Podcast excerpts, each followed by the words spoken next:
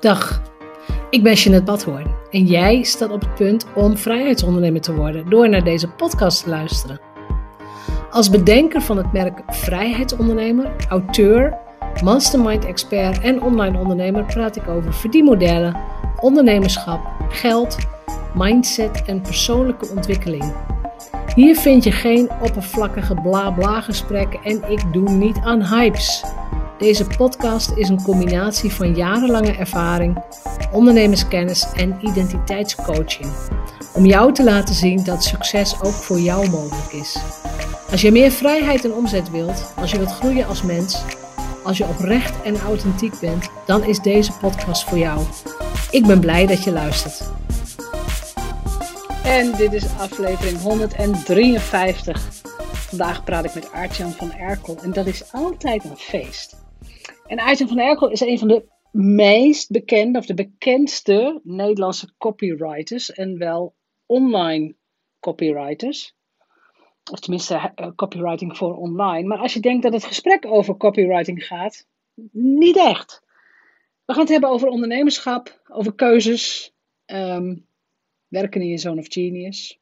Die zelf in de ogen kunnen kijken en denken: hier word ik gelukkig van en hier niet van. Het is een ontzettend tof gesprek, dus ik wens je heel veel plezier bij het luisteren naar het gesprek. Meer informatie over Aartjan vind je natuurlijk in de show notes. En als jij denkt: goh, ik ken ook nog wel interessante gasten, of ik zou best zelf gast willen zijn, stuur me gewoon eens een bericht. Jeannette.vrijheidsondernemers.nl Doei doei! Welkom, vandaag Aartjan van Erkel. Welkom. Ja, dankjewel, Jeannette. Bedankt voor de uitnodiging. Ja, nou ja, ik ben, ik ben blij dat je meedoet. Maar eigenlijk zouden we moeten schrijven als we jouw stiel zouden uh, vol gaan houden. Ah, een beetje lullen is ook lekker hoor. Voor de mensen die jou helemaal niet kennen, kun jij jezelf in een paar zinnen voorstellen? Um, ik ben copywriter. Een copywriter, dat is iemand die zeg maar uh, verkoopt met zijn toetsenbord. Ja. Dus dat heeft niks met copyright auteursrecht te maken, maar het, het schrijven van copy. En copy, ja, dat is tekst die het, eh, het gedrag beïnvloedt van de, de lezers van die tekst.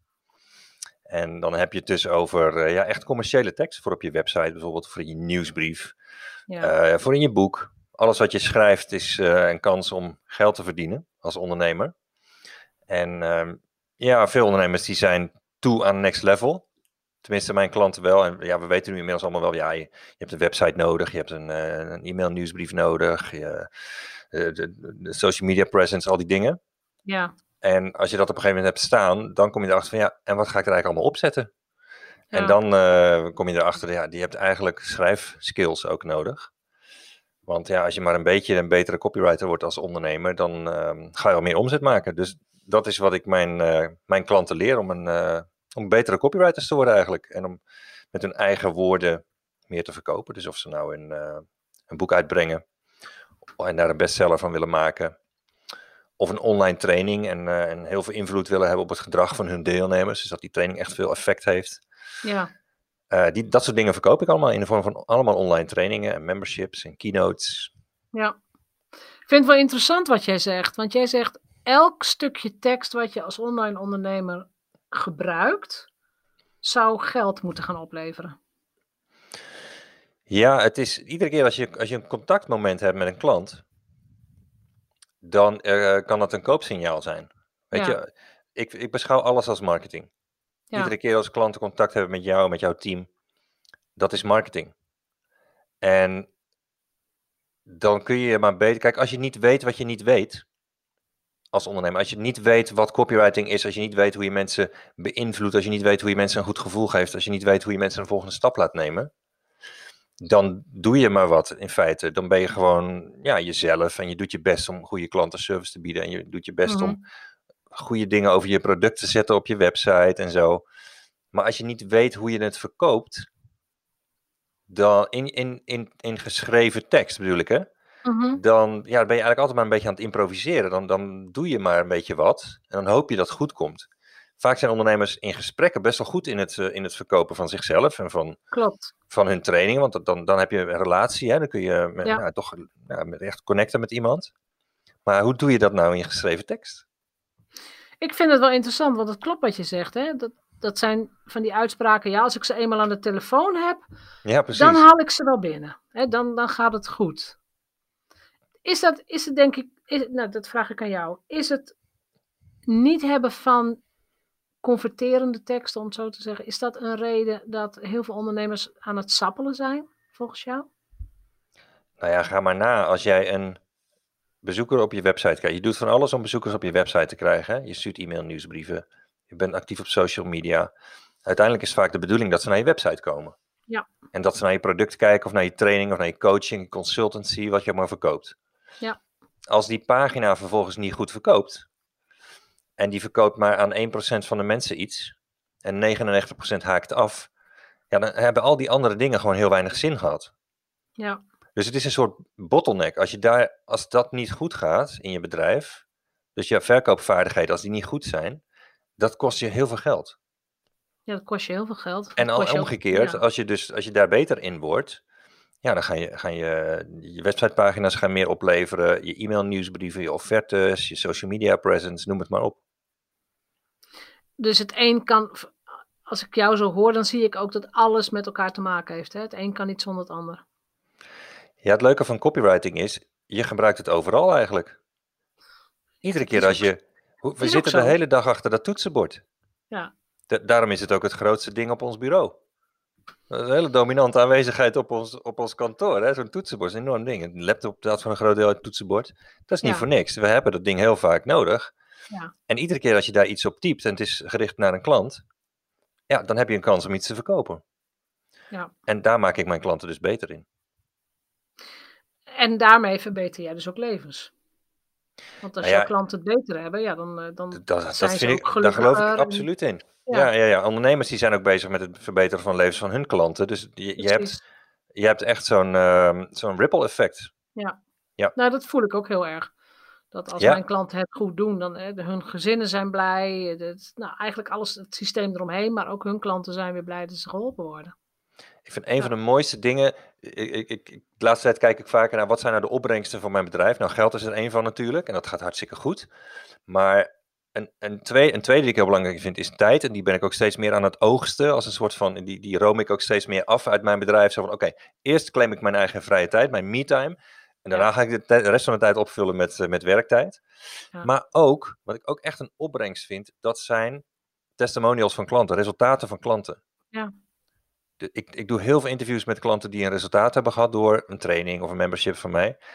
Dat vind ik, dat is zo genieten als je hoort eh, dat het goed met ze gaat, dat ze dikke vette sales hebben gedraaid, dat ze blij zijn, dat ze net nog iemand geïnterviewd die ging bijna failliet.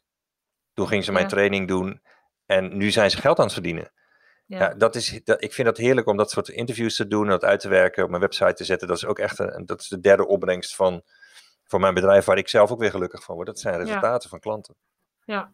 Ik denk dat iedereen die nu luistert en angst voor verkoop heeft, want er zijn heel veel mensen bang voor sales, dat ze dit tussen de oren moeten knopen. Dus het, het resultaat wat een klant bereikt met jouw interventie, met jouw product, met jouw training enzovoort, dan ben je nooit meer bang voor sales. Ja, ik weet ook nooit zo goed waarom je bang zou zijn voor sales. Ik denk dat, dat, dat er iets onder zit wat niks met verkoop te maken heeft. Meer een, ja, dat het eerder bang is voor afwijzing of voor, Ja. voor mensen storen of weet ik het wat. Hè. Maar ik zie altijd, de rol van de ondernemer is je de klant helpen. En je kunt de klant niet helpen als je ze niks verkoopt. Ja. En je gaat het niet gratis doen. Dus waarom zou je bang zijn voor sales? Ik vind het juist een, eh, een prachtig spel om eh, zoveel mogelijk klanten te kunnen helpen, om zoveel mogelijk te kunnen schalen. Ja. En hoe meer omzet ik maak, hoe meer klanten ik heb geholpen. Nou, knoop dat in jullie oortjes. Iedereen die nu luistert. Want dat, dat is ook gewoon zo. Als we eens kijken naar jouw ondernemers, ehm, nou ja, loopbaan, carrière.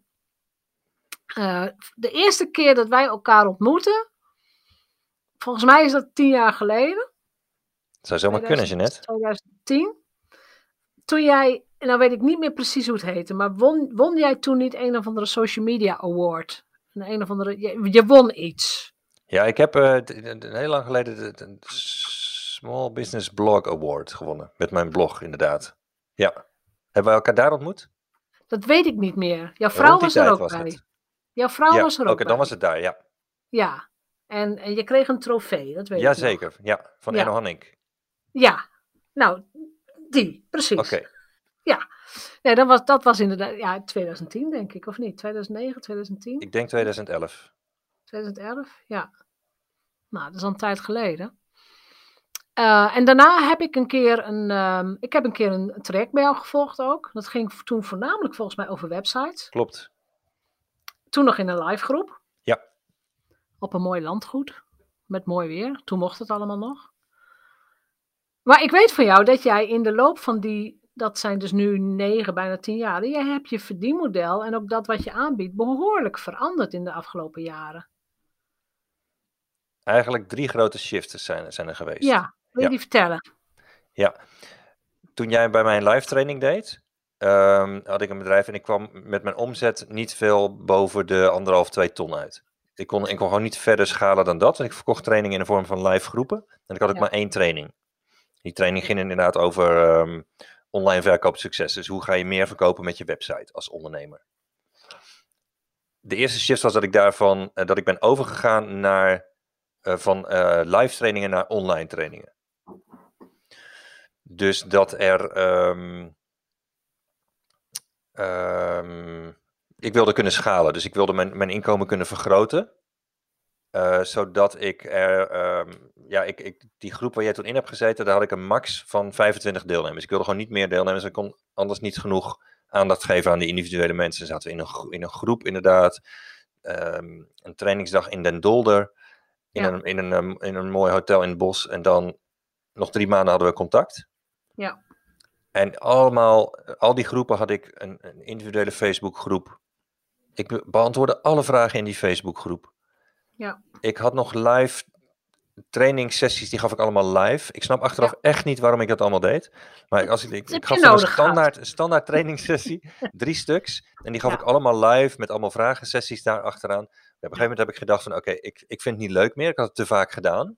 Ja. Ik had laatst een, een, klant, ik verkoop nu inmiddels een training over het geven van online trainingen. Ik had een klant die me heeft gevolgd, die zei ja, ik was er zo moe van dat ik al duizend keer hetzelfde had uitgelegd. Af en toe moest ja. ik gewoon huilen en lachen tegelijk als ik weer hetzelfde verhaal begon op te hangen. Ik ja. het heel mooi gezegd. Dat heb Want... ik precies hetzelfde gehad met mijn LinkedIn trainingen ooit vroeger. dat ik mezelf hetzelfde steeds weer hoorde uit. Ja, ik hoorde mezelf. Ik denk, dit is, dit is gewoon Klaar, op een gegeven moment is de energie daar gewoon uit. Hè? Dan moet je ja. eigenlijk dat je klanten en jezelf niet meer willen aandoen. Nee. Terwijl het nog steeds heel waardevol is. Dus als, je daar nou, als je dat nou één keer heel goed opneemt, dan kun je het daarna duizend keer verkopen. In plaats van dat je duizend keer één op één of met één groepje. Dus nou, dat, dat werd mij op een gegeven moment heel duidelijk van oké, okay, ik wil kunnen schalen en ik wil ook uh, mijn energie niet meer in, het, in repetitieve dingen steken. Ik wil mijn energie in creatieve dingen steken. Ja. Dat is mijn marketing en mijn sales. Um, dus um, ja, daar ben ik toen uh, op, gaan, uh, op gaan focussen. En uiteindelijk was dat één online training. Die heb ik anderhalf jaar heb ik.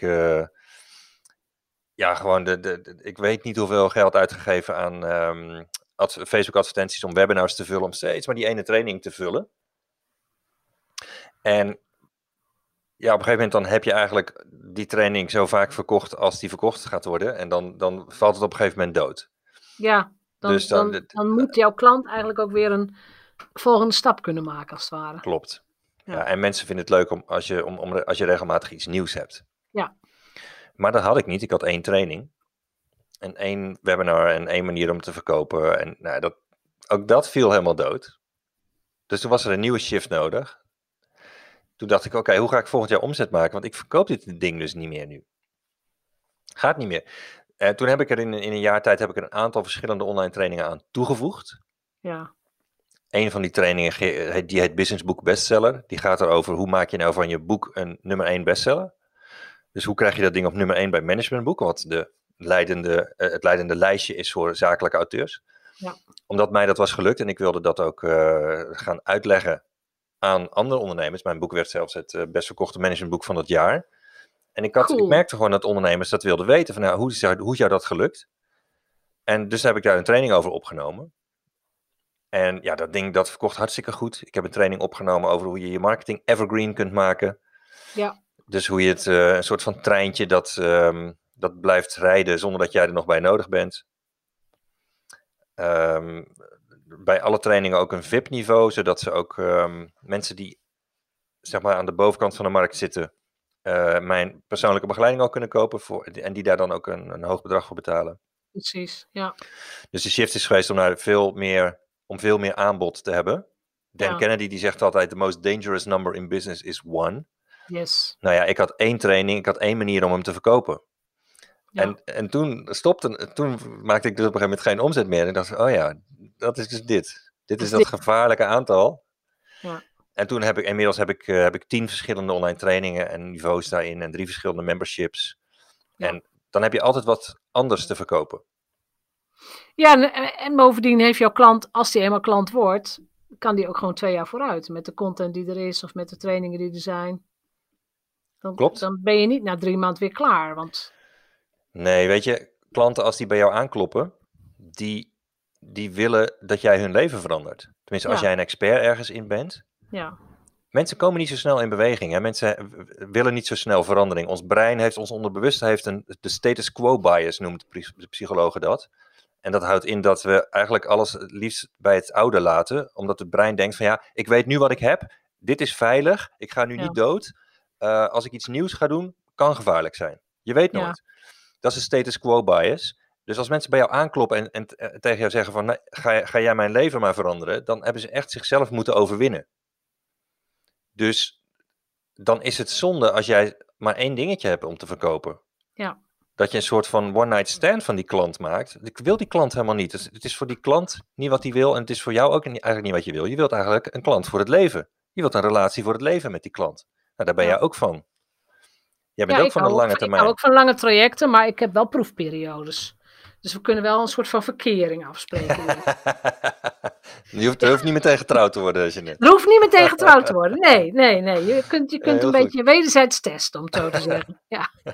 En dat is ook, weet je, dat heb ik ook. Ik heb mijn verdienmodel ook ontwikkeld ehm, aan de hand van ervaringen, van experimenteren en kijken wat wel en niet werkt. En nou ja, dan kom je jezelf een paar keer hard tegen en denk je, ja, maar ik, ik, wil, ik wil het hebben zoals het, zoals het bij mij werkt. Ik, ik wil er zelf gelukkig van worden. En nou ja, dan bouw je een bedrijf op op jouw voorwaarden. En dan zijn we zo ineens weer tien jaar verder. Nou, ja. so be it. Ja. Wat, wat was voor jou een. Want je, je hebt die shifts gemaakt. Nou, dat, dit was eigenlijk nog maar één shift. Er zijn er nog wel een paar, maar daar hebben we het nog wel over. Wat zijn de andere shifts? Want ik wil, ik wil heel graag weten hoe jij dat hebt aangepakt. Want wat jij beschrijft, het punt van het valt dood, ik krijg geen omzet, mhm. dat kennen heel veel ondernemers. Hè, er gebeurde iets, het was leuk. En nu, wat moet ik nu? Weet je, mm dat gevoel. De volgende shift die ik heb gemaakt, ik had inmiddels dus een aantal verschillende dingen die ik kon verkopen, godzijdank, en ik maakte weer omzet. Dat was dat ik realiseerde me dat ik, er, dat ik probeerde om er voor iedereen te zijn. Ja. Ik dacht, ja, ik kan je helpen om je boek op één te krijgen. Ik kan je helpen om je met je website veel te verkopen. Ik kan je helpen om je marketing evergreen te maken. En ik dacht, ik ben er voor het hele MKB, honderdduizenden ondernemers in Nederland. Maar ik merkte dat het helemaal niet klopte. Dat er, toen ik eens ging kijken van wat zijn nou eigenlijk mijn best betalende klanten, van bij welke klant heb ik de meeste omzet gemaakt, kwam daar een heel duidelijk profiel uit. En dat was bepaald type. Ja. Het waren allemaal mensen van 40 tot 55. Beetje, meestal uit ongeveer het midden van Nederland. Um, ehm, 50% dienstverleners, 50% trainer-coaches. Geen, bijna geen mensen die fysieke dingen verkopen, meestal niet. Meest, eh, eigenlijk iedereen, alle klanten zijn experts ergens in. Nou ja, 50-50 eh, man-vrouw. Een heel duidelijk profiel. Echt, het was gewoon alsof, mijn, alsof ik opeens de, de, de mist loste op. En ik, ik zag opeens wat ik eigenlijk aan het doen was. Ik dacht, wacht eens even. Als ik met die mensen de meeste omzet maak, waarom probeer ik dan nog voor iedereen er te zijn? Ja. En dat was de volgende shift dat ik me realiseerde. Ik ben er niet voor iedereen. Ik ben er alleen maar voor die mensen. Die geven dat al jaren aan door mij het meeste, het meeste bij mij uit te geven. Wanneer ga ik eens voor die mensen kiezen? En dat heb ik toen meteen gedaan. Dus ben ik echt overgeschakeld naar uh, wat ik noem wegjaagmarketing. Dat Heerlijk. was, dat was de shift. Ja, dat is echt heel bevrijdend. Als je, het is no more Mr. Nice Guy. Dus ik probeer niet meer er voor iedereen te zijn ik ben er bijvoorbeeld niet echt voor millennials. Weet je wel, mensen met van die koude enkels zijn dat. Weet je, uh, ja, ik heb ze hier in huis. ik heb ze hier in huis. mensen tussen de 20 en de 40. Ja, dat zijn niet mijn beste klanten. Bij mijn best betalende, uh, meest lucratieve klanten zitten heel weinig millennials. Ja. Dus ik richt me alleen op mensen die nou, een beetje mijn leeftijd zijn. Ik ben zelf 50. En dat is een van de groepen die ik nu, millennials, die, die probeer ik nu altijd weg te jagen. Ben jij een millennial? Ga eens weg. Dus ik probeer. Maar wat zeg je dan tegen een millennial om te weg? Is dat met tekst of zeg je gewoon het is niet voor millennials? Ja, dus ik heb bij, mijn op, bij de opt-in op mijn uh, website heb ik bijvoorbeeld staan: dit is niet voor mensen met lange tenen, mensen die altijd binnen de lijntjes kleuren en ook niet voor millennials. Staat het er echt? Dat staat er letterlijk bij mijn opt-in. Dus in, in, de meeste ondernemers die, die proberen, oh, die denken van, oh, meld je alsjeblieft aan voor mijn nieuwsbrief. Want het is anders, mijn ego is zo kwetsbaar, anders dan voel ik me afgewezen. Ik probeer mensen juist weg te jagen. Want het is, het is altijd aantrekkelijker als jij. Kijk, wij, wij worden meer aangetrokken bij datgene wat van ons wegbeweegt, dan wat achter ons aan zit.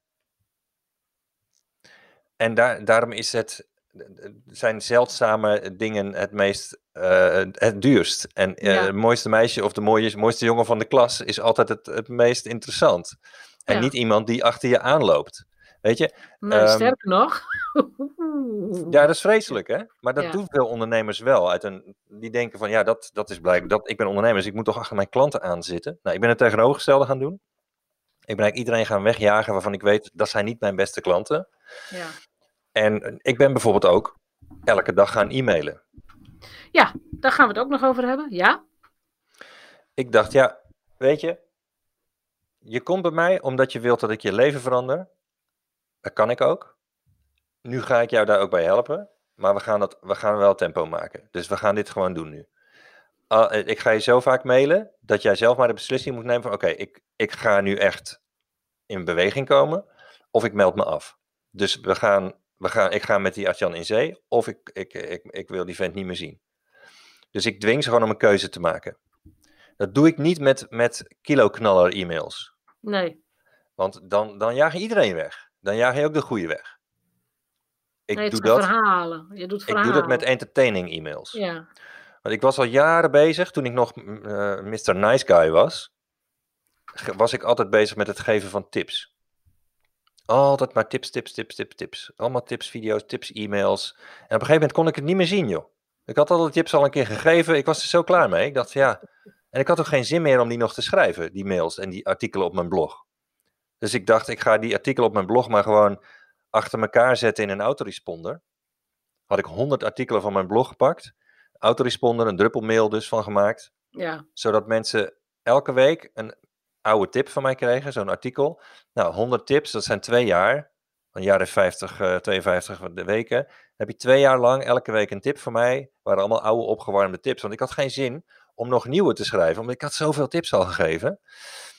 En je hebt ook iets de laatste jaren, en dat, ik noem dat de informatieinflatie. Mm. Iedereen in, in de meeste markten worden tips gegeven, kennis delen, je kennis op internet zetten. Bloggen is helemaal niks bijzonders meer. Het is steeds moeilijker om daar ook in Google bijvoorbeeld te scoren. Het is informatieinflatie. Dus het wordt.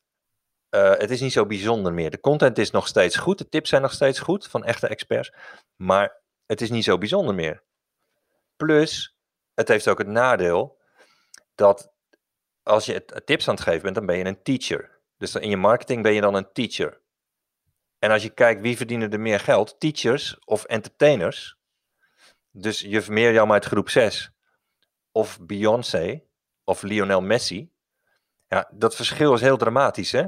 De entertainers. Mm, er zitten een paar factor, factoren tussen. Ja. entertainers verdienen iets beter, hebben ook een hogere status. Ja. Hè, wat we er ook van mogen vinden, dat is de realiteit.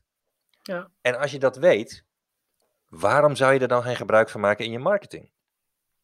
Dat was het, het licht ging echt bij mij aan toen ik me dat realiseerde. Ik dacht, oh ja, shit joh, ik ben maar aan het teachen, ik ben maar aan het teachen. Ik positioneer mezelf als een teacher, als iemand die ook heel veel verveling oproept eigenlijk. Want als we aan teachers denken, dan denken we meestal aan saaie lessen. Er zijn ook wel briljante teachers bij natuurlijk, ik maar... Heb, ik heb in mijn hele leven één briljante teacher gehad, Jeannette. Op mijn middelbare school, meneer Schals van geschiedenis in Breda, die gaf leuke lessen. Maar alle andere teachers, die waren gewoon gemiddeld. Ik had er wel meer, maar mijn geschiedenisleraar was ook gedenkwaardig. ja. Dus dat is heel zeldzaam. Ja, het is wel zeldzaam, ben ik met je eens. Ja. Ik ben toen geswitcht van. En ik, ik, had ook, ik had een hele grote mailinglijst met allemaal mensen erop, 34.000 mensen. En 2% van die mensen, 2,2% waren kopers. Die hadden wel eens wat gekocht. Ja. Dus 97,8% van die mensen die kochten nooit wat. Nee. Jeannette, realiseer je? vegeteerden op jouw lijst en daar betaal jij voor. Precies. Ja. Ik had een enorme mailinglijst en ik had daar heel weinig sales uit. Toen ben ik overgestapt. Ik heb tegen die mensen gezegd: Weet je wat jullie nu krijgen van mij? Elke week een opgewarmde tip van jaren geleden. Maar ik heb eigenlijk zoveel nieuwe ideeën nu. Ook doordat ik vaak naar Amerika ga voor masterminds en, en trainingen. Ik heb, ik heb een andere mailinglijst gestart. Dan ga ik je dagelijks e-mailen. Elke dag een verhaal, iets geks, een anekdote, een story, een tip. Maar wel elke dag. En er zit ook elke dag een aanbod in. Als jij zo gek bent dat je op die mailinglijst wil komen staan van elke dag, klik dan maar op dit linkje. Nou, de meesten doen dat niet. Ik heb nee, toen, openen uh, al niet eens. Klopt, ja. ja. Dus van die, uh, van die 34.000 zijn er uiteindelijk 1200 overgestapt naar mijn dagelijkse e-maillijst. En ik, je hebt een hele grote beker waar baas op staat, mooi. Dat is mijn beker. Die mag niemand gebruiken in huis. en um, inmiddels staan er uh, meer dan 6000 mensen op die dagelijkse e-maillijst. Die, en die kopen veel meer. Daarvan zijn acht, meer dan 28% zijn kopers. Die hebben wat gekocht. Ja. Dus die, en die levert ook in absolute cijfers gewoon veel meer omzet op. Ik draai nu mijn beste jaar ooit. Het afgelopen jaar. Terwijl ik, ja, terwijl ik nu twee jaar dagelijks e-mail. Dus ik, en ik, dat is ook wegjaagmarketing. Hè? Dus mensen die gaan opeens door. Ik laat mezelf veel meer zien. Het is ook veel persoonlijker. Het zijn allemaal persoonlijke stories. Het is entertaining. Allerlei gekke dingen die ik meemaak of die ik zie op tv. Of die mensen tegen mij zeggen. Ik, je kunt zo gek niet bedenken of je kunt er wel een e-mail over schrijven. Alles is content. Als je gaat opletten. Alles is een e-mail. Ja. En, maar je, mensen leren je daardoor wel veel beter kennen. Zeker als je elke dag langskomt. Ja. En mensen die merken van, ja, ik trek die gast eigenlijk niet. Of ja, ik zoek eigenlijk wat anders. Die zijn heel snel weg. Dus het, scho het schoont ook lekker op. Dan moet je wel, als je een heel kwetsbaar ego hebt, dan moet je dit niet doen. Ja, waarom niet? Omdat, het, omdat je een aantal aanmeldingen kwijt Ik heb dit aan een klant geleerd. Die had een mailinglijst van 19.000 e-mailadressen. Die raakte elke maand 1000 e-mailadressen kwijt voor drie maanden. En toen was het opgeschoond. Ja. Dus die was 3000 e-mailadressen kwijt. Dan moet je even tegen kunnen. Hè? Dat is in het begin niet zo leuk.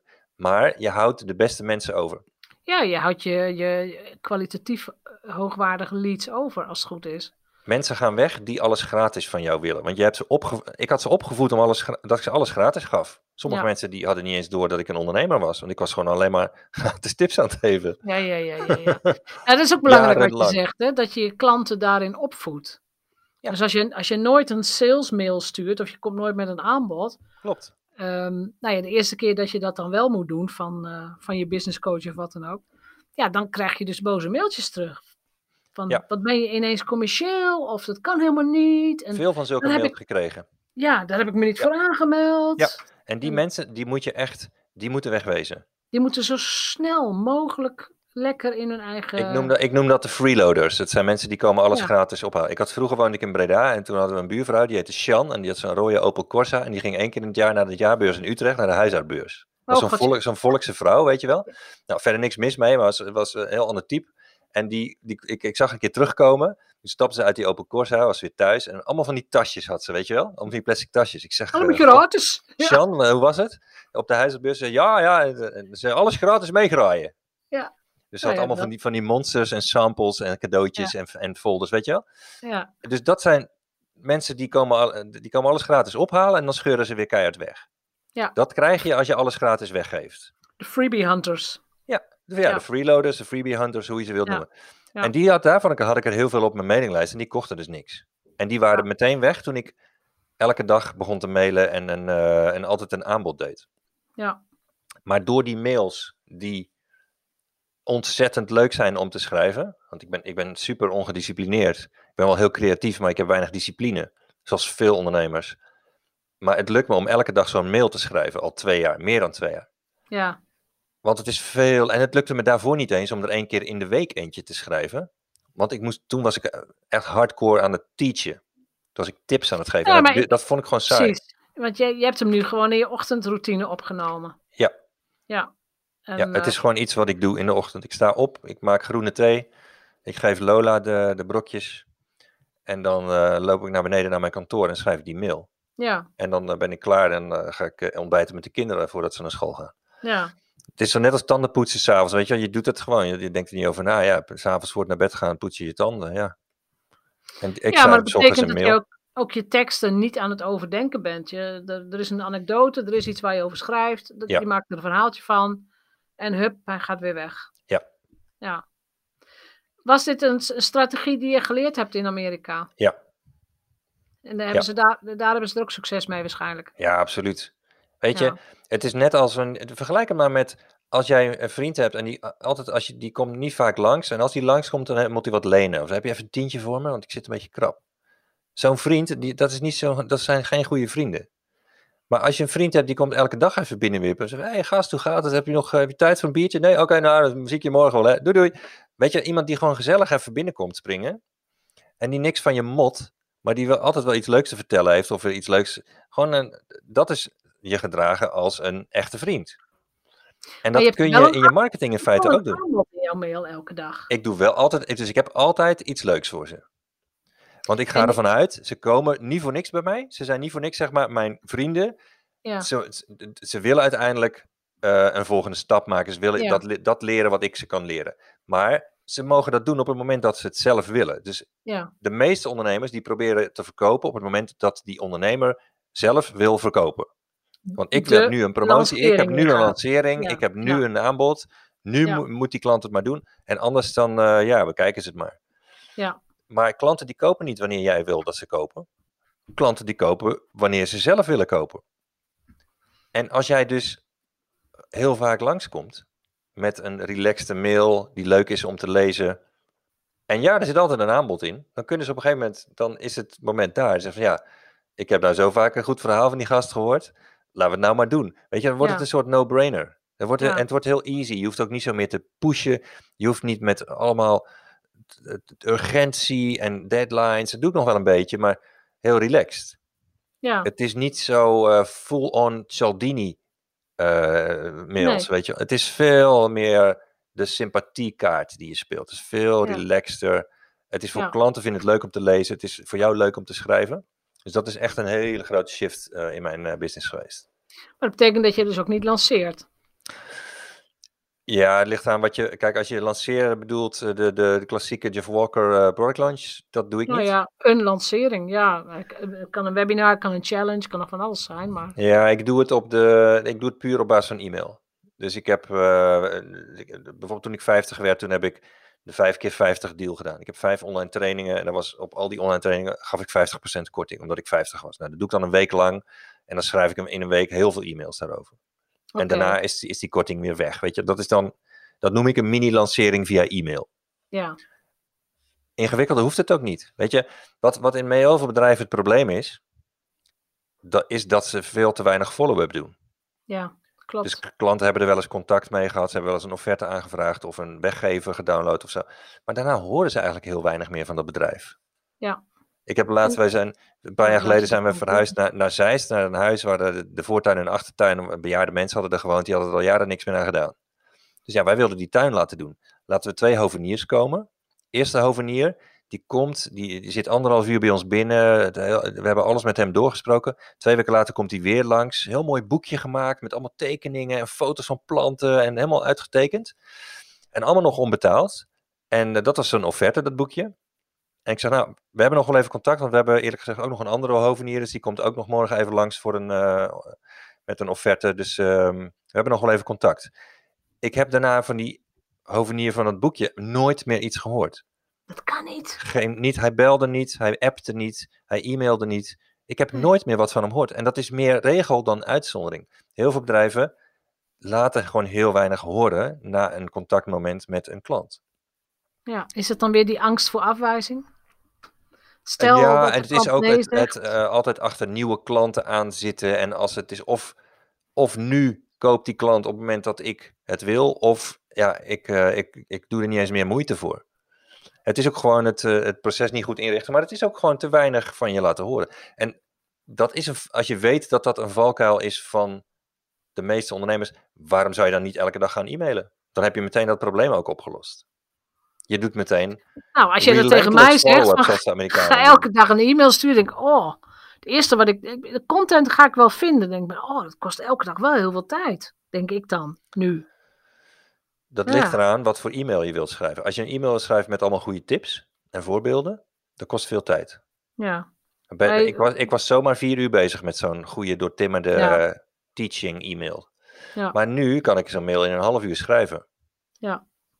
Want het is gewoon een story. Het is iets leuks. Het is iets. Ik heb vandaag een mail geschreven over uh, Philippe Geubels. Dat is zo'n zo'n Belgische stand-up comedian. Dat is die gast met die kale kop en die, en die, en die zware bril. Ja, hij praat ik heel heb gisteren, gisteravond, ja, heel, heel langzaam. Heel traag, lijzig, ja. Heel gisteren heb ik zijn show op tv gezien en op, hij maakte daarin een grap. Ik moest zo hard lachen dat ik echt, ik kreeg ademnood. En ik dacht, ik, ik zei letterlijk tegen mezelf, oké, nu even stoppen met lachen, want dit gaat niet goed. Letterlijk zei ik dat. Ik moest zo hard lachen. Nou, daar heb ik een mail over, geschreven. omdat ik bijna in coma raakte door, uh, door, uh, om, van het lachen om die, om die grap van die geubels. En ja, daar heb ik dan ook weer iets mee gedaan in die mail. Dus ja, weet je, er is iets wat je raakt op een dag. En daar doe je dan wat mee in zo'n mail. Het hoeft, uh, meer moet dan niet zijn, hè, zeggen ze in België. Meer moet dan niet zijn. Nee. Ingewikkelder hoeft het niet te worden. Dan, dan alle anders, ja. ja, ik vind hem ook erg uh, nou, karakteristiek, zullen we maar zeggen. Ja, ja, hij is heel leuk. Ja, Heel onderkoeld is hij, heel fijn. Um, hebben, we, hebben we al jouw pivot momenten nu gehad? Al jouw shifts? Nee. nee. Um, wat ik ook de, de, laatste, de laatste pivot is geweest dat ik, um, dat heeft ook te maken met die wegjaagmarketing, dat ik inmiddels uh, mijn focus op, niet meer op de volledige markt, maar alleen nog op de, op de bovenkant van de markt. Ja. Want ja, ze zeggen wel eens, it's lonely at the top. En dat is ook heel lekker, want ja, aan de top zitten heel weinig mensen. Dus daar zitten heel weinig concurrenten. Um, daar zitten, dus ik heb heel weinig concurrenten met wat ik nu doe. Want de meeste ondernemers die gaan van nature richten ze zich op de grootste, het grootste deel van de markt. Want die denken, ja. dat is volume, daar zitten de aantallen, daar moet ik me op richten. Ja. Maar als je kijkt bijvoorbeeld naar de online trainingenmarkt, waar ik me nu op richt, want ik, ik, ik verkoop online trainingen, maar ik verkoop ook een online training over online trainingen verkopen natuurlijk. Uh, als je kijkt naar de markt van online trainingen, die is ook de laatste jaren door die informatieinflatie, is die markt helemaal verpest. Dus je hebt van die platforms gekregen, Udemy en Skillshare. Daar kun je voor een paar tientjes een online training kopen. En echt over honderdduizend onderwerpen, letterlijk. Ja, over wat jij maar wil. En, dat, um, en vaak zijn dat dan die aanbieders, dat zijn vaak hele jonge mensen met zo'n perfect huidje, weet je wel. En die, van die millennials met van die koude enkels. Weet Heb je, je ze weer, hè? Heb je ze weer, ja. En die, uh, die hebben dan een, een, een cursus handlettering opgenomen met hun iPhone. En die verkopen ze voor 17,99 euro op Skillshare. En dat is geen verdienmodel waar je. Die vinden dat misschien heel cool dat ze, dat ze twee tientjes, bijna twee tientjes krijgen voor hun training. Dan kunnen ze weer een paar frappuccino's bij uh, Starbucks verkopen. Weet je dat zijn er maar twee hoor. Er zijn maar twee frappuccino's. Ja. Dus dat is, daar kun je niet van leven. Dat is geen, eh, dat is, en je bent dan eigenlijk aan het kijken naar de onderkant van de markt. En dat is het, daar, daar staan honderdduizenden mensen op. Ja. Dus je zou denken, nou, ik moet daar ook in meedoen. Maar dat is een misvatting. Ik ben juist gaan kijken naar wat is er aan de bovenkant van de markt. Dus als je een echte expert bent, dat leer ik ook aan mijn klanten, bied dan iets aan waar je de hoofdprijs voor kunt vragen. Niet iets voor twee tientjes. Daar kun je, stel je voor dat je duizend klanten krijgt die allemaal twee tientjes betalen. Ja? Dan heb je 20.000 euro omzet gemaakt en je hebt duizend mensen die willen aanspraak kunnen doen op een beetje klantenservice. Dus als er wat is, dan moeten ze een nieuw factuurtje of e-mailadres is veranderd, moet je veranderen in je systeem. En je hebt dan achter de schermen heb je VA's zitten die kosten 40 of 60 euro per uur. Dat kan natuurlijk nooit uit. Kan niet uit. Nee. Als jij uh, iets van 1000 euro verkoopt, dan hoef je maar aan 20 mensen te verkopen om dezelfde omzet te maken. Dat zijn ook nog mensen die helemaal niet moeilijk doen, die echt wat gaan doen met wat jij ze teacht, die, uh, waar, je, waar, je, waar jouw team ook veel minder werk aan heeft. Plus die ook nog betere resultaten krijgen, doordat ze echt in actie komen. Ja. Uh, dat is de bovenkant van de markt. Ja. Dus ik zit nu met mijn training alleen maar aan de bovenkant van de markt. En mijn hele business is eigenlijk gefocust op ja, de, de beste mensen, de beste klanten in, in mijn markt. Nou, het is wel mooi. Een van de podcastafleveringen gaat daar ook over. De, de transformatie zit al in de transactie. Hoe meer iemand jou betaalt, hoe meer ze gaan veranderen uiteindelijk. Ja, mooi gesproken hoor. De transformatie zit al in de transactie. Ja, ja. absoluut waar. En dat zie ik ook. Uh, ik zie het bij mezelf ook, maar ook bij mijn klanten. Ze hebben, ik heb nu net weer een klant ingeschreven voor een VIP-traject. En uh, die heeft dus betaald, gewoon voor, meteen voor een half jaar betaald. En mm. uh, gewoon alles in één keer, niks termijnbetalingen. Die heeft nog echt nog geen sessie met mij gehad. Die heeft toegang tot de videobibliotheek. En ik kreeg van haar al WhatsAppjes. Dat ze nu al aan het veranderen is. Ze zegt, het, is nu, het voelt nu al anders. Ik ben nu al anders dingen aan het doen. Ik kijk nu al anders naar dingen. Terwijl ik nog geen minuut uh, met aan coaching heb doorgebracht met ja. haar. Ja. En dat, dat blijven gewoon, ik blijf dat ook herhalen. Dat mensen daar ook uh, op moeten gaan zitten. Ja. Ja. Wat zijn de grootste fouten in copywriting? Gewoon even een paar dingetjes die wij snel zouden kunnen verbeteren. Een van de dingen is dat um, veel ondernemers die zitten op het informeren van hun klanten. Dus wat ze doen met hun op een verkooppagina over een training bijvoorbeeld of over een product. Ja. Geven ze goede informatie. Want ja, het is toch een pagina over een product. Dan moet je toch goede informatie over dat product geven. Dat, zo redeneren ze. En dat, dat moet ook. Dat is logisch. Dat, is, dat moet ook. Maar ze vergeten dat je verkoopt niet aan een geïnformeerde klant. Je verkoopt aan een geëmotioneerde klant. Ja. En dat is het copywriting gedeelte. Dus de copywriter die zorgt ervoor dat de klant geëmotioneerd raakt. En de klant informeren, dat kunnen we allemaal wel een beetje. En, en vaak kunnen we dat ook best wel goed. Hè, want we zijn, weet je, Noord-Europeanen zijn heel serieus en heel grondig. En we willen gewoon goede informatie, hè? We zijn, we zijn geen. Nee, nee, moet allemaal dat doen we goed. Dat doen we goed. Dat doen we heel serieus. Maar het emotioneren van ons klant is vaak, dat is dan zoiets waarvan je niet weet dat je het niet weet. Je hebt niet door dat je dat niet doet. Je denkt van ja, maar het is goede informatie over mijn product. En ja, een goed product verkoopt zichzelf. Dat is ook zo'n mooie misvatting. Dat is een mythe. Dat is een mythe. Ja, dat is absoluut uh, mythe die, die al lang ook uh, gebust is. Mythbusting is dat uh, al lang van geweest. Je, mensen hebben, gaan pas in, komen pas in beweging als je ze een, een emotie hebt laten voelen. Dus als je ze emotioneert, dan komen ze in beweging. En dat doet de copywriter. Ja. Ja. Dus ja, dat, dat, is één, dat is één belangrijk ding. Ik had bijvoorbeeld vandaag nog een auteur aan de lijn die, of niet aan de lijn, die, uh, dit is een auteur die wil, uh, die zit bij een VIP-traject van Business Book Bestseller, mijn training over je boek op één krijgen. En een van de dingen die ik dan voor ze doe, dat is een manuscript review.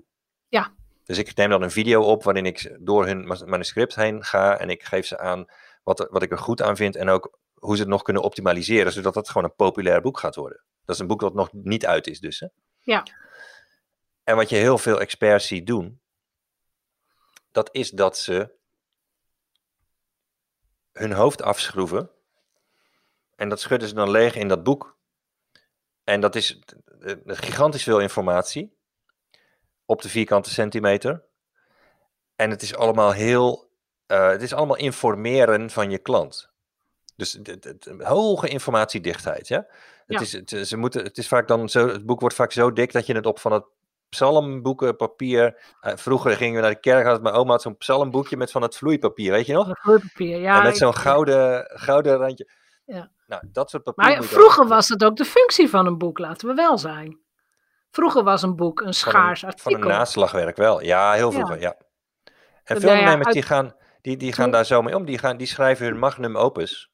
Ja. Als ze dan uiteindelijk, eindelijk dat boek gaan schrijven, dan gaan ze ook all in. Ja. Schrijven ze hun magnum opus, het ultieme boek over hun vakgebied. Maar ze vergeten dan dat zij aan het, zij staan aan het eind van misschien wel een leerweg van 20 of 15 of 30 jaar. Ja, klopt. En dan schrijven ze een boek. En ze schrijven een boek voor mensen zoals zij, die er heel veel van weten. Ze gaan in één keer alles daarover vertellen. Ja. Maar klant, jij bent niet je gemiddelde klant.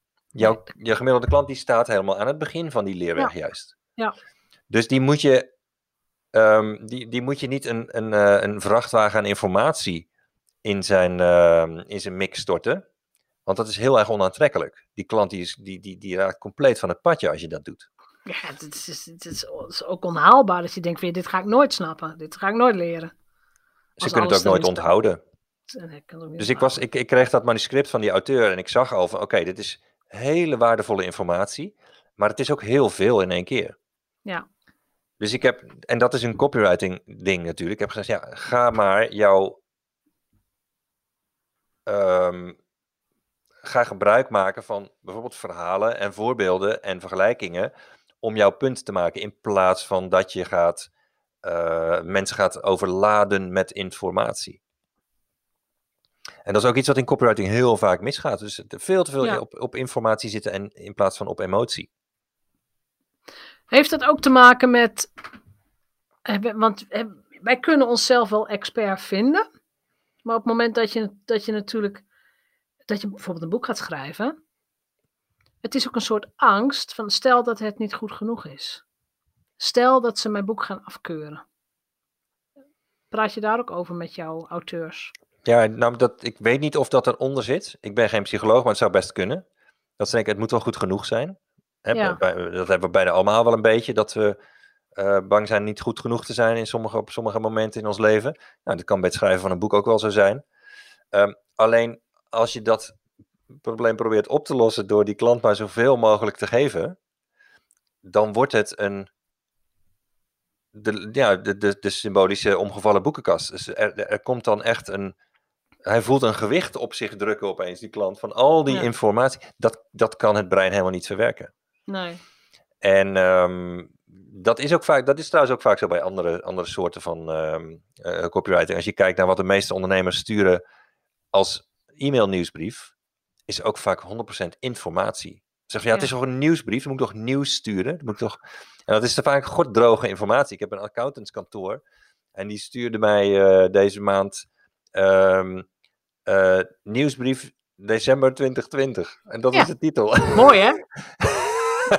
mooi. Met allemaal fiscale ontwikkelingen. En, ja, mooi. Ja. Uh, weet je, dus je heel denkt, ik snap er niks van. Ja. En, en weet je, ik, ik denk dat jij en ik allebei wel weten hoe de nieuwsbrief van volgende maand zal heten Jeannette. Ja, ja, ja, ja. ja maar dat, dat vind ik voor die branche wel weer mooi. Ja. Sure, er is best een plek voor dat soort informatie. Ja. Maar dat is niet waar je klanten voor het leven mee krijgt. Dit is wat iedereen doet. Dit is niet waar je klanten, uh, hoe je van klanten volgelingen maakt. Zodat ze echt alleen nog maar met jou willen werken. Dus dit is ook een beetje hoe wij eh, twaalf jaar geleden begonnen, denk ik. Eh, nou, dit is je nog, aan dit mijn wat, nieuwsbrief. De, dit is wat de meeste ondernemers nog steeds doen. Ja, alleen al het woord nieuwsbrief. Ja, mooi. De meeste ondernemers die gebruiken dat, die denken, ja, zo heet dat nou eenmaal. Meld je aan voor mijn nieuwsbrief, dan hou ik je op de hoogte. Ja. Maar het woord nieuwsbrief, ja, ik weet niet uit welk bouwjaar jij bent, zal ik je ook niet vragen. Maar ik ben uit 1970, ik ben opgegroeid in de mhm. jaren 80, zeg maar. En toen mhm. had je nieuwsbrieven, die werden gestenceld. Gestenceld, ja. Weet je nog? En dat was, dat weet ik, ik weet niet hoe dat werkt, was een voorloper van fotocopieën. En dat, en, die, en dat rook zo zuur. Dus die vellen die roken dan zo zuur, weet je nog? Ja. Ik, ik ruik het nog zo. Het stencilapparaat op school, ja. Nee, dus nieuwsbrieven van school of van de voetbalvereniging, die werden gestenceld. En dan geniet en dat rook zo zuur. Ja, en dus dat is iets, dat, dat bestaat al 40 jaar, dat woord, of nog langer. En het ruikt ook een beetje zuurig inmiddels, dat woord. Weet je, dat is, dat is, niet, dat is niet echt 2020. Dus waarom zou je dat nu nog zo noemen? En de meeste ondernemers doen dat nog steeds. Die blijven maar in die clichés hangen en in die, die woorden die iedereen gebruikt. En daardoor komen ze ook over als willekeurig welke uh, andere concurrent. Ja, dat is het. Je bent heel inwisselbaar dan. Ja.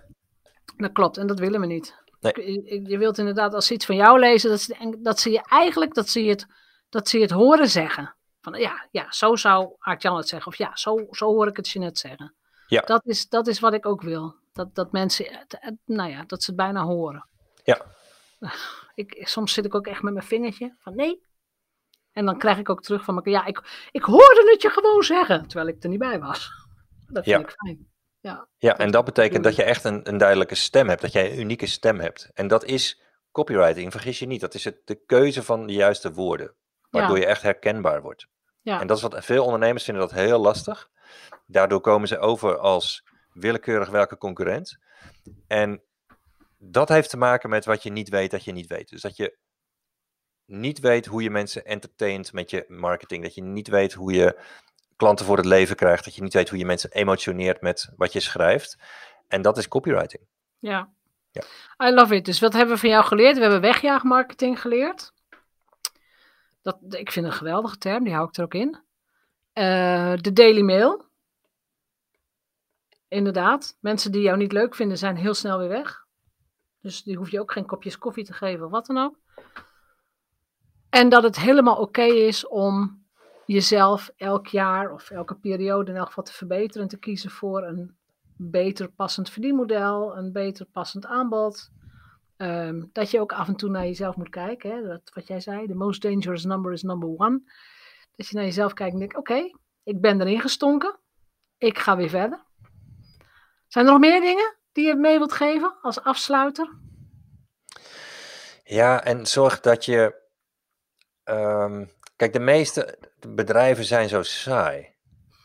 Weet je? En het is helemaal niet nodig. Je kunt wel zeggen, ja, maar ik zit in een saai business. Ik, zit, ik werk met cijfers of ik werk met techniek. En ik, mm. Maar ik was, ik was, een paar weken geleden stond ik, op, stond ik te spreken voor 80 of 100 accountants op een event van Femke Hogema. En ik heb ze een verhaal verteld over epic email copywriting. Dus hoe kun je nou entertainen met je e-mails, met je nieuwsbrieven? En ik heb ze dat uitgelegd, de formule daarvoor. En toen heb ik ze zeven minuten de tijd gegeven om, daar, om zo'n mail te schrijven. Dus niet zo'n mail zoals mijn accountantskantoor van nieuwsbrief december 2020, maar een entertainende e-mail. En toen, hebben we, toen heb ik er vijf mensen heb ik dat voor laten lezen. Ze waren allemaal via Zoom en die hebben dat gewoon live voorgelezen. Nou, het ene verhaal was nog leuker dan het andere. En dat waren allemaal accountants. Die verkopen allemaal een beetje hetzelfde. Maar die hadden opeens een compleet unieke stijl van marketing. En dat was binnen. Ik, ik, ik stond een uurtje te lullen en ik heb ze zeven minuten laten werken. Het is echt geen rocket science. En niemand in jouw markt doet dit. Andere accountants denken van ja, ik ga een beetje vertellen over dat ik gisteren met mijn hond naar de dierenarts ben geweest. Zoals een van die accountants deed. Andere vertelde over zijn zeilboot dat is ongepast. Jouw markt die snapt dat niet. Die denkt, die, die is van het padje. Die, is een beetje, die gaat een beetje elke dag of elke week e-mailen en die vertelt dit soort verhaaltjes. Daar zitten klanten niet op te wachten. Iedereen meldt zich af. En die snappen het dus niet. En dat is, uh, het is heerlijk om als je die, die bevrijding gaat voelen van, oh wacht, ik kan hele relaxe marketing doen. Door mensen gewoon te entertainen en echt een, een, een band met ze op te bouwen, echt met ze te connecten. En maakt niet uit welke markt je zit. Het, de smoes kan echt niet zijn dat je in een saaie markt zit, of dat je klanten saai bent, of dat je zelf saai bent, want dat is niet waar. Het is gewoon niet zo. Als accountants het kunnen, ik heb ook een klant die is advocaat. Die schrijft fantastische e-mails. Ik heb een klant die zit in HR. Nou, ook best wel een, een, een traditionele wereld. Die schrijft fantastische e-mails, hilarische e-mails. Dus het kan in elk vakgebied. En iedereen kan een betere copywriter worden. Ja, dat vind ik ook een mooi afsluiten. Dat je dit, dit kun je dus gewoon leren. En dit is jezelf verbeteren. En... en, je hoeft, weet je, je hoeft niet een, een, een professionele copywriter te worden. Het is net. Nee, je voor jezelf. Stel je voor dat je op een, op een bospad loopt hè, en je hoort in het, in het bos hoor je allemaal gekraak. En dan zie je opeens een zwarte beer zie je uit, het, uit het bos. En die is net ontwaakt uit zijn winters, winterslaap. Dus die stikt van de honger. En die ziet jou lopen. En dan kun je wel denken van ja, ik moet harder kunnen rennen dan die beer. Dat is net zoiets als denken, ik moet een professionele copywriter worden om dit te doen. Nee joh, hoeft helemaal niet. Jij hoeft niet harder te kunnen lopen als die beer, eh, dan die beer. Je hoeft alleen maar harder te lopen dan die dikke gast met wie jij samen op het bospad loopt. En die dikke gast, dat is je concurrent, je grootste concurrent. Weet je? Hier, neem die maar, doe maar. En niemand van jouw concurrenten gaat dit doen. Die gaan dit niet, die snappen dit niet. Nou ja, tenzij jij de wereld helemaal gaat hervormen. Maar goed, dat, uh, dat uh, de komende jaren misschien. Niemand, niemand gaat dit doen. Ik, ik, weet je, ik heb, niet, ik heb je al verteld, ik, ik richt me niet op de hele wereld. Ik richt me alleen op de slimste mensen in, in, in elke markt. Ja, dat is, dat is een goede afsluiting. We zijn er ook niet voor iedereen, dat is heel goed. Uh, dankjewel voor deze entertaining aflevering en voor alle tips en um, voor nieuwe woorden. I love it. Wegjaagmarketing, I love it. En ik zal ook jouw website in de show notes zetten. Dan kunnen mensen vast wel ergens iets leuks van je aanvragen. Denk ja, ik. Als, als ze het echt willen, dan kunnen ze zich voor die irritante dagelijkse e-mail van mij aanmelden. Uh, op mijn website. Schrijven voor internet.nl heet mijn website. En, daar, en dan ga ik ze dus wel elke dag een uh, mail sturen. En elke dag een aanbod doen. Elke dag een mail, elke dag een aanbod. en ik heb daar, ik heb daar ook een, Ja, precies, als ze er tegen kunnen. En ik heb er ook allerlei e-books en andere weggevers staan, waardoor, waar ze um, uh, bijvoorbeeld meer kunnen leren over het verkopen van online trainingen of um, hoe ze hun boek op één krijgen. Precies. Nou, dan ga ik die, uh, die links, die komen wel in de show notes. Yes. Mag ik je hartelijk danken. Insgelijks, graag gedaan, Jeannette. Dat was een genoegen. Waar genoeg. Nou, je haalt me woorden uit de mond. Dankjewel. Doei hoi. Bedankt voor het luisteren naar de Vrijheidsondernemers Show. Geef de show een review op iTunes. Als vrijheidsondernemer werk je waar, wanneer en met wie jij wilt. Dat gun ik jou ook. Ik weet dat het kan. En bij de juiste keuzes is vrijheid ook voor jou mogelijk. Op jouw vrijheid. Oh ja! Laat een review achter op iTunes. Abonneer je op deze podcast. En laat mij weten wat je ervan vindt.